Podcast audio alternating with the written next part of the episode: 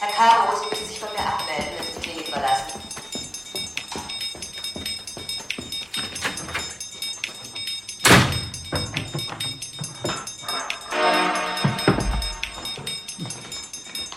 Alexander, holst du ihn mal?